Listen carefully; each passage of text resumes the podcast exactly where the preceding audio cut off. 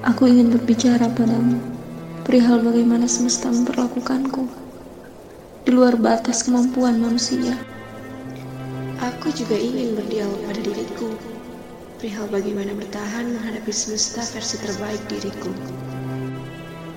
Aku ingin mengadu padamu bahwa dunia ini tidak berisi apa-apa untukku kecuali luka. Tapi aku tak ingin menjadikan siapa pun sebagai tempat keraduan, kecuali aku dan diriku.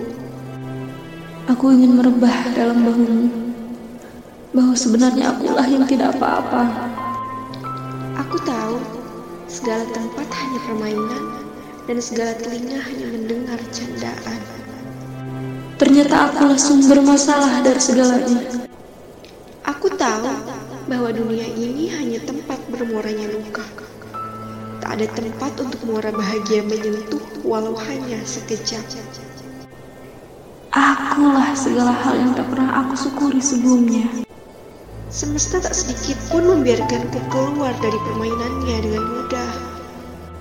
Akulah yang tak pernah memberikan diriku kesempatan untuk melihat dunia juga menyediakan baiknya. Aku ingin merebah pada diriku dan berkata, tak apa, kamu akan baik-baik saja. Percayalah, suatu saat kita akan memenangkan permainan semesta. Bukannya aku tak terima pelecehan semesta. Aku hanya tidak memberikan sedikit pun kesempatan pada diri untuk mengambil baiknya dan melupakan lukanya. Pada akhirnya, aku adalah semua sebab yang menimpa diri. Aku adalah sebab sakit yang memaksa diri.